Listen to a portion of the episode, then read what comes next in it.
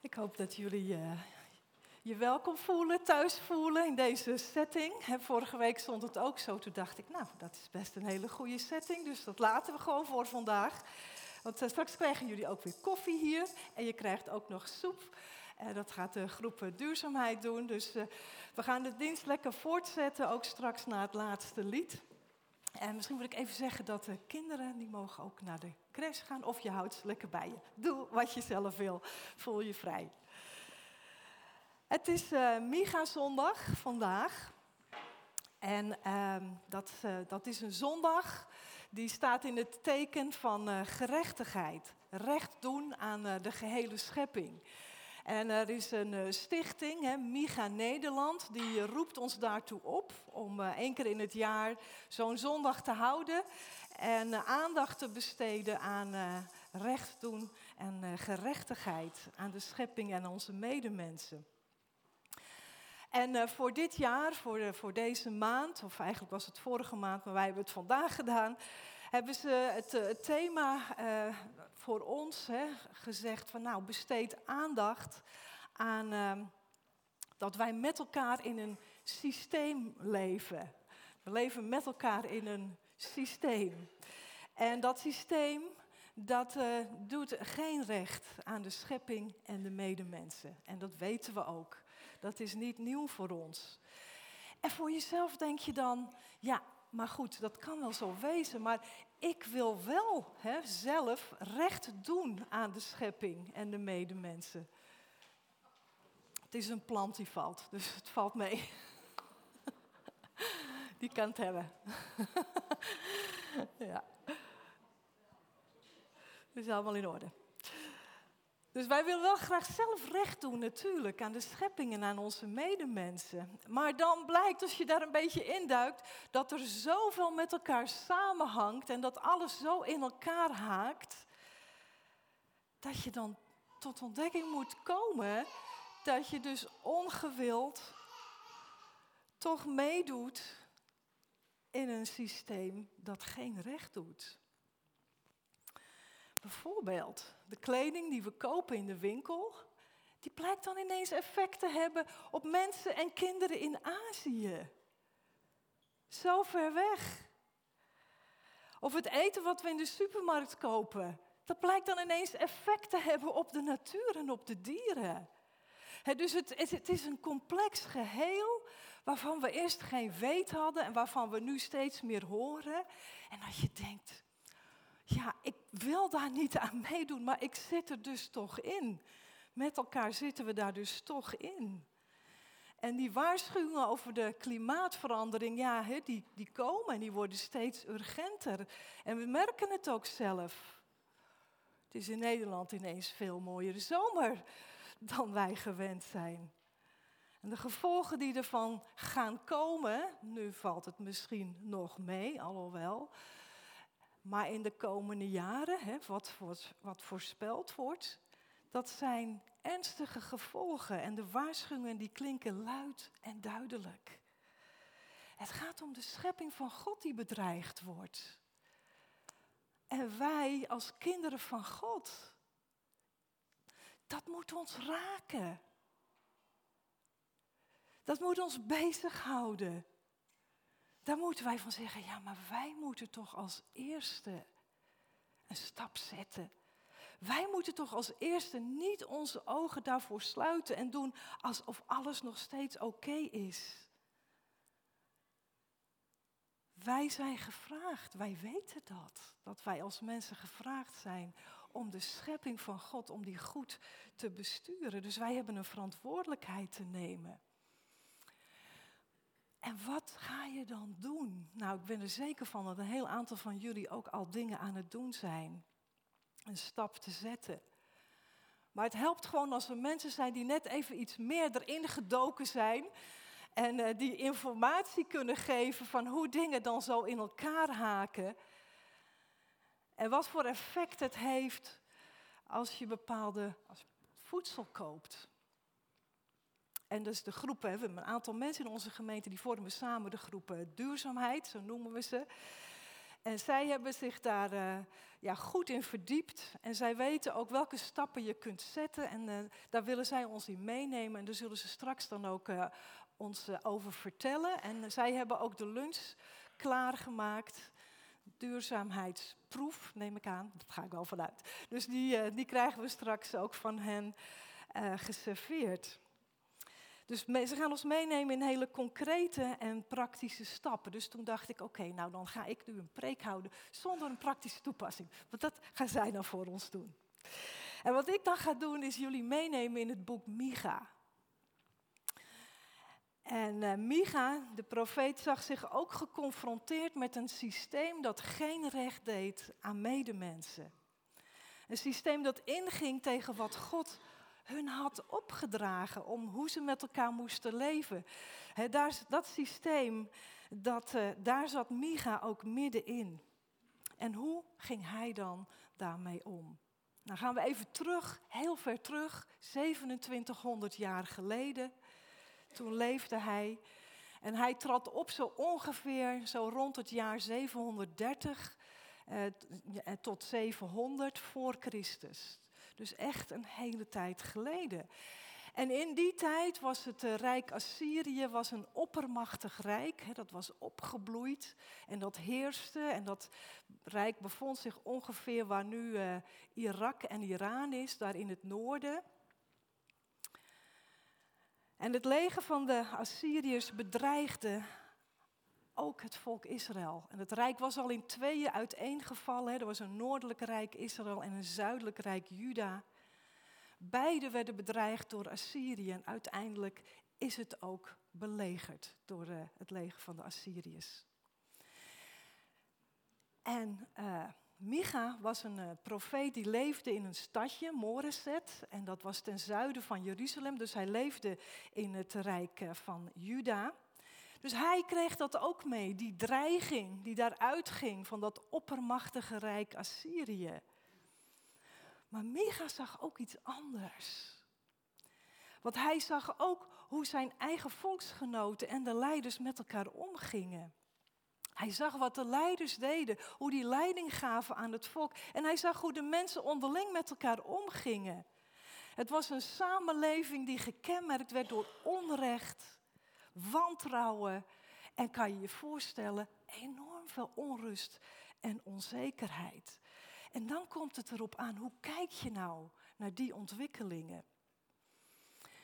En Micha, die ziet die aankomende dreiging van Assyrië, daar kijkt hij anders naar dan zijn volksgenoten en de leiders van het volk. Want zij zien alleen dat oppermachtige rijk dat een expansiedrift heeft. Dus natuurlijk willen ze ook ons gebied innemen.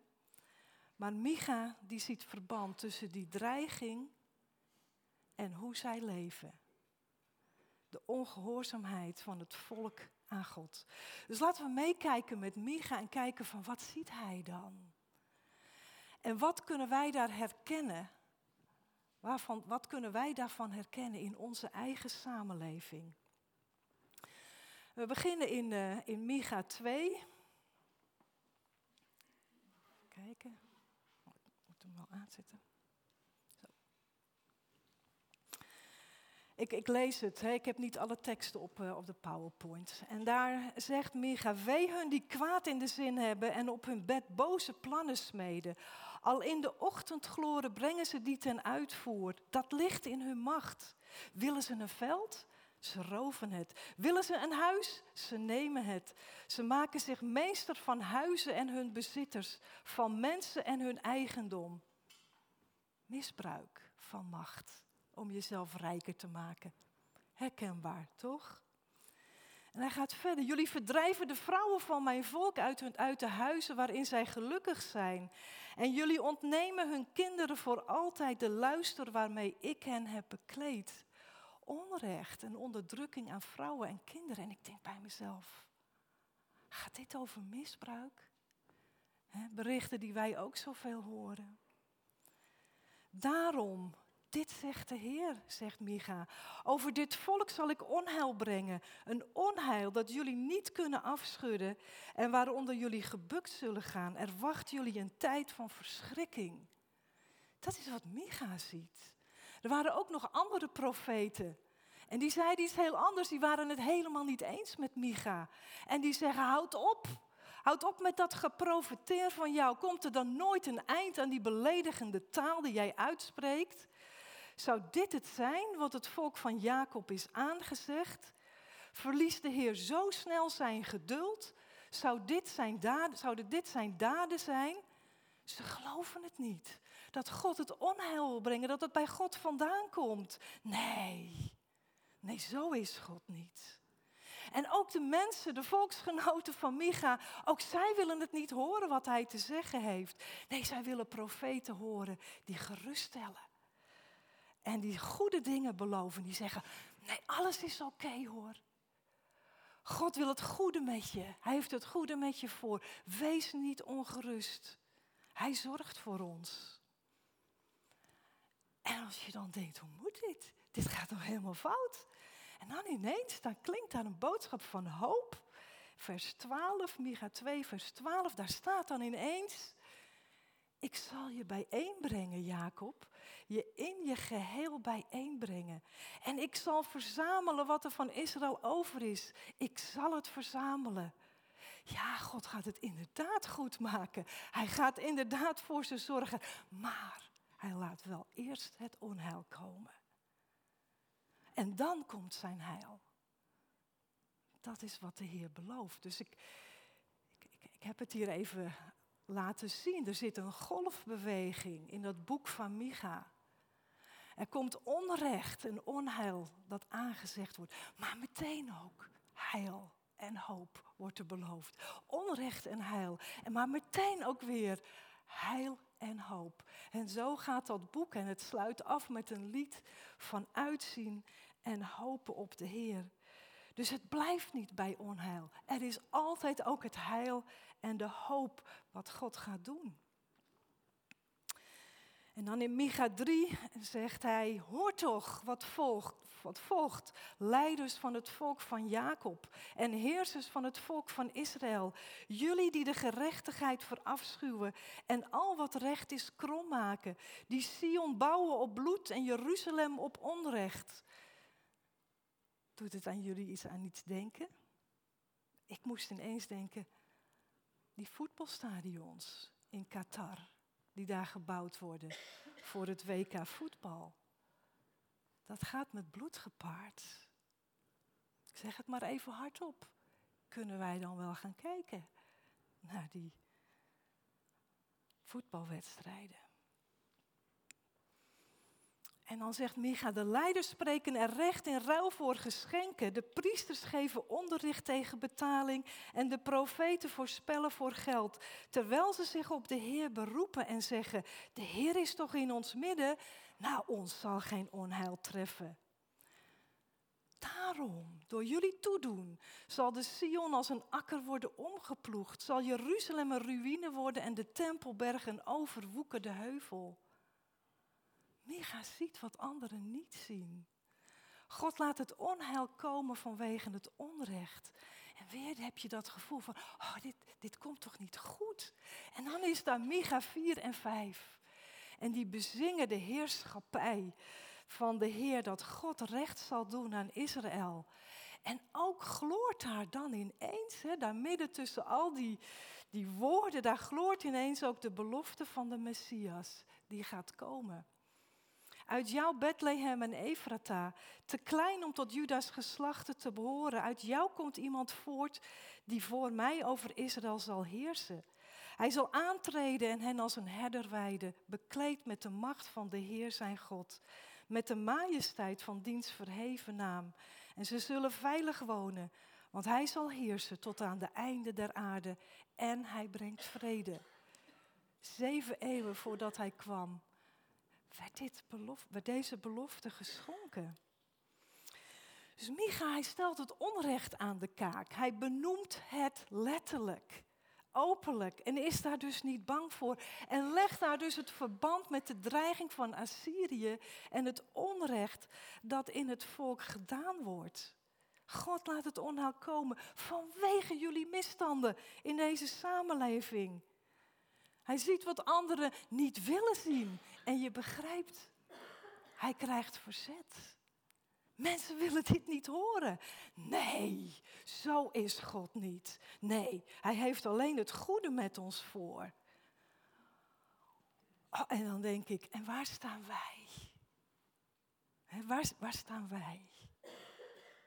Je moet toch wel moed hebben om het onheil aan God toe te schrijven.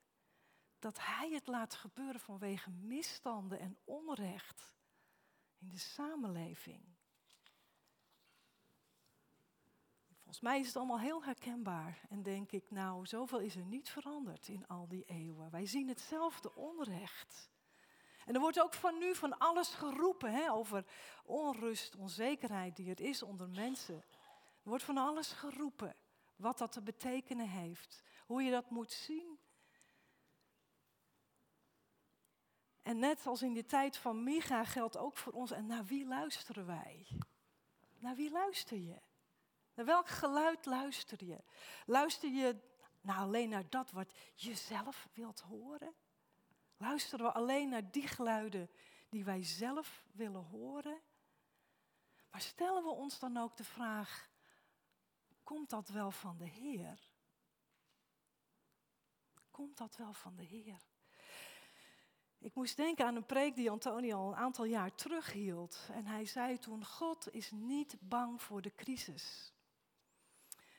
En ook hier zie je dat weer. En is dat nu dan voor ons misschien ook gaande? Hij is niet bang voor de crisis. Wij wel, maar hij niet. Hij laat het gebeuren om iets wat niet goed is, om dat af te breken. Om iets goeds weer op te kunnen bouwen. Dus hij bouwt af wat niet goed is, om dan weer iets nieuws op te kunnen bouwen wat goed is. Hij wil iets nieuws laten ontluiken. Daar is hij steeds mee bezig. Hij laat niet los en geeft niet op. Een crisis is niet onafwendbaar. Het is niet onafwendbaar. Want God waarschuwt mensen steeds weer. En steeds weer zijn er de profeten die moeten waarschuwen. En ook Micha moest dat doen. Hij kreeg die profetie van God om zijn volksgenoten te waarschuwen. Hij benoemt het onrecht waarvan ze zich moeten afkeren en terugkeren naar God. Dus die oproep klinkt ook daar in Micha. En dat vinden we dan in, uh, in Micha 6. En daar wordt het verteld als een rechtszaak. Hoor toch wat de Heer zegt. Sta op en laat de bergen uw rechtsgeding horen. Laat de heuvels getuigen zijn. Luister bergen naar de aanklacht van de Heer en hoor toe, onwrikbare fundamenten van de aarde. De Heer voert een geding tegen zijn volk. Dus de bergen en de fundamenten van de aarde worden hier opgeroepen als getuigen. En berg moet je voorstellen is de bovengrens van de aardse leefruimte en die fundamenten de ondergrens. Dus dat rechtsgeding vindt plaats, zou ik zeggen, op het wereldtoneel. In alle openheid.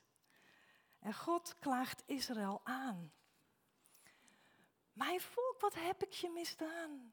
Waarmee heb ik je gekweld? Antwoord mij horen het niet wat de aanklacht is, maar inmiddels weten we het. Van de profeet Micha, wat zijn aanklacht is. En God zoekt de schuld bij zichzelf. Wat heb ik dan niet goed voor jullie gedaan dat jullie je tegen mij keren? Heb ik dan te veel van jullie gevraagd? Heb ik jullie te veel belast? Hij wacht niet op antwoord. En wat hij doet, hij gaat in de zelfverdediging. Iets wat wij tegen elkaar zeggen, nee, dat moet je niet doen. Je hoeft niet jezelf te verdedigen. Maar God doet het hier wel. Hij zegt, ik heb je uit Egypte geleid, je bevrijd uit de slavernij. En ik zond Mozes, Aaron en Mirjam om voor je te gaan. Herinner je mijn volk wat Balak besloot, de koning van Moab, en wat Biliam, de zoon van Beor, hem antwoordde? Herinner je wat er gebeurde tussen Sittim en Gilgal?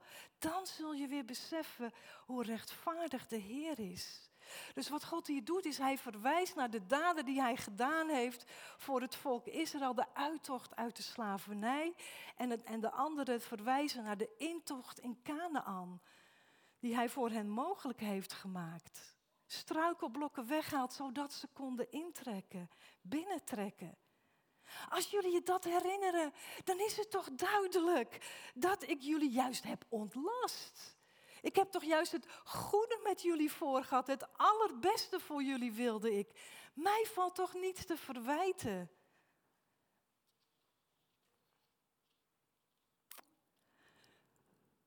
En dat komt binnen. Want er komt geen tegenwerping. Er is schuldbesef. Er moet iets goed gemaakt worden. Oh, wat kan ik de Heer dan aanbieden? Waarmee moet ik hem dan hulde brengen aan de verheven God? Wat kan ik dan aanbieden dat in de ogen van de Heer goed genoeg is als genoegdoening voor mijn ongehoorzaamheid? Want ik zie het nu zelf ook. Dus de aangeklaagde in naam van Israël, die overlegt hier met zichzelf. Moet ik hem dan tegemoet treden met brandoffers? Dat is dan een offer dat in zijn geheel opstijgt naar de hemel. Zou hij eenjarige stieren aanvaarden? Dat was een luxe product, want het vlees daarvan was heel mals, een lekkernij. Kan ik hem gunstig stemmen met duizenden rammen of met olie stromend in tienduizend beken? Absurde hoeveelheden. Het is compleet overtrokken. Alsof hij bij zichzelf denkt, ik weet het niet. Niks, niks wat ik bedenken kan is goed genoeg voor de Heer.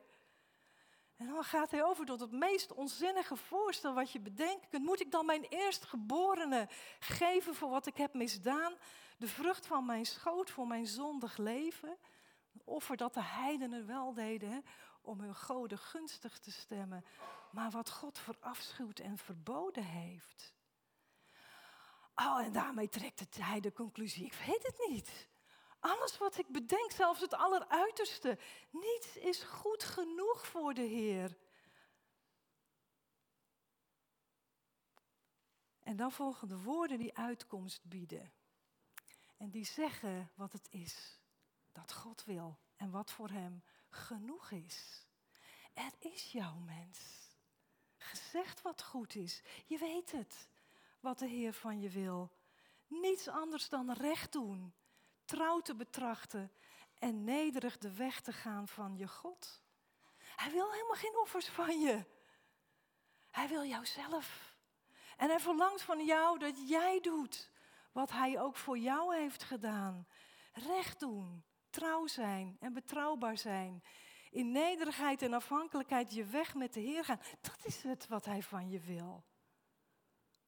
Een oproep die eeuwig geleden klonk. En ik dacht bij mezelf, als we dat nou eens omzetten in onze tijd, hè, dit, deze rechtszaak, dit rechtsgeding, hoe zou dat dan kunnen klinken?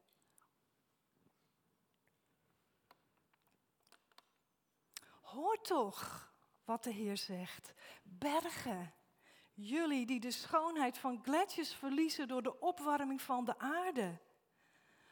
Oceanen, jullie die je ongereptheid verliezen door menselijk afval en vervuiling. Ik roep jullie op als getuigen van de aanklacht van de Heer. Want de Heer voert een geding en hij klaagt de mensheid aan.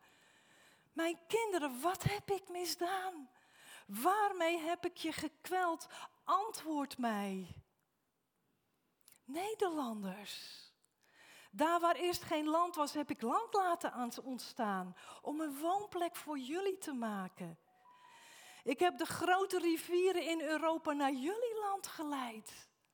Om het land te doorstromen en het vruchtbaar te maken, zodat je groente en fruit en gewassen kunt planten en oogsten en verbouwen, dat het jullie goed gaat.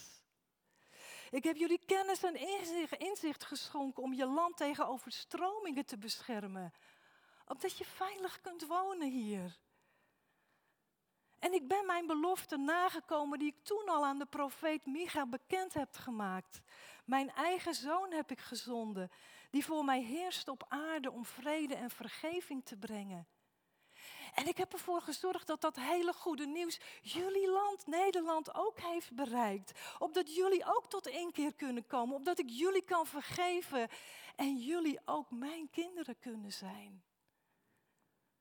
En ik zorg ervoor dat jullie christenen in Nederland nog steeds met velen zijn. En ik waak erover dat jullie in vrijheid bij elkaar kunnen komen om mij te kunnen blijven dienen. En opdat jullie stem gehoord zal worden in de samenleving. Zijn jullie dat vergeten? Was dat niet genoeg? Oh nee, Heer, wij erkennen, u heeft meer dan genoeg voor ons gedaan. Dat erkennen wij. Maar weet u, wij leven in een samenleving die u niet meer kent. Die u zegt, die zeggen u niet nodig te hebben. Die helemaal er niks om geven wat u wilt. Die alleen uit is op wat men zelf wil. En dat veilig te stellen. Die niet bereid zijn anders en soberder te gaan leven. Ja, wat kunnen wij daar nou aan doen? Daar staan wij zo machteloos tegen. Ja, zou het helpen als wij in plaats van tiende een heel jaar salaris geven als gift?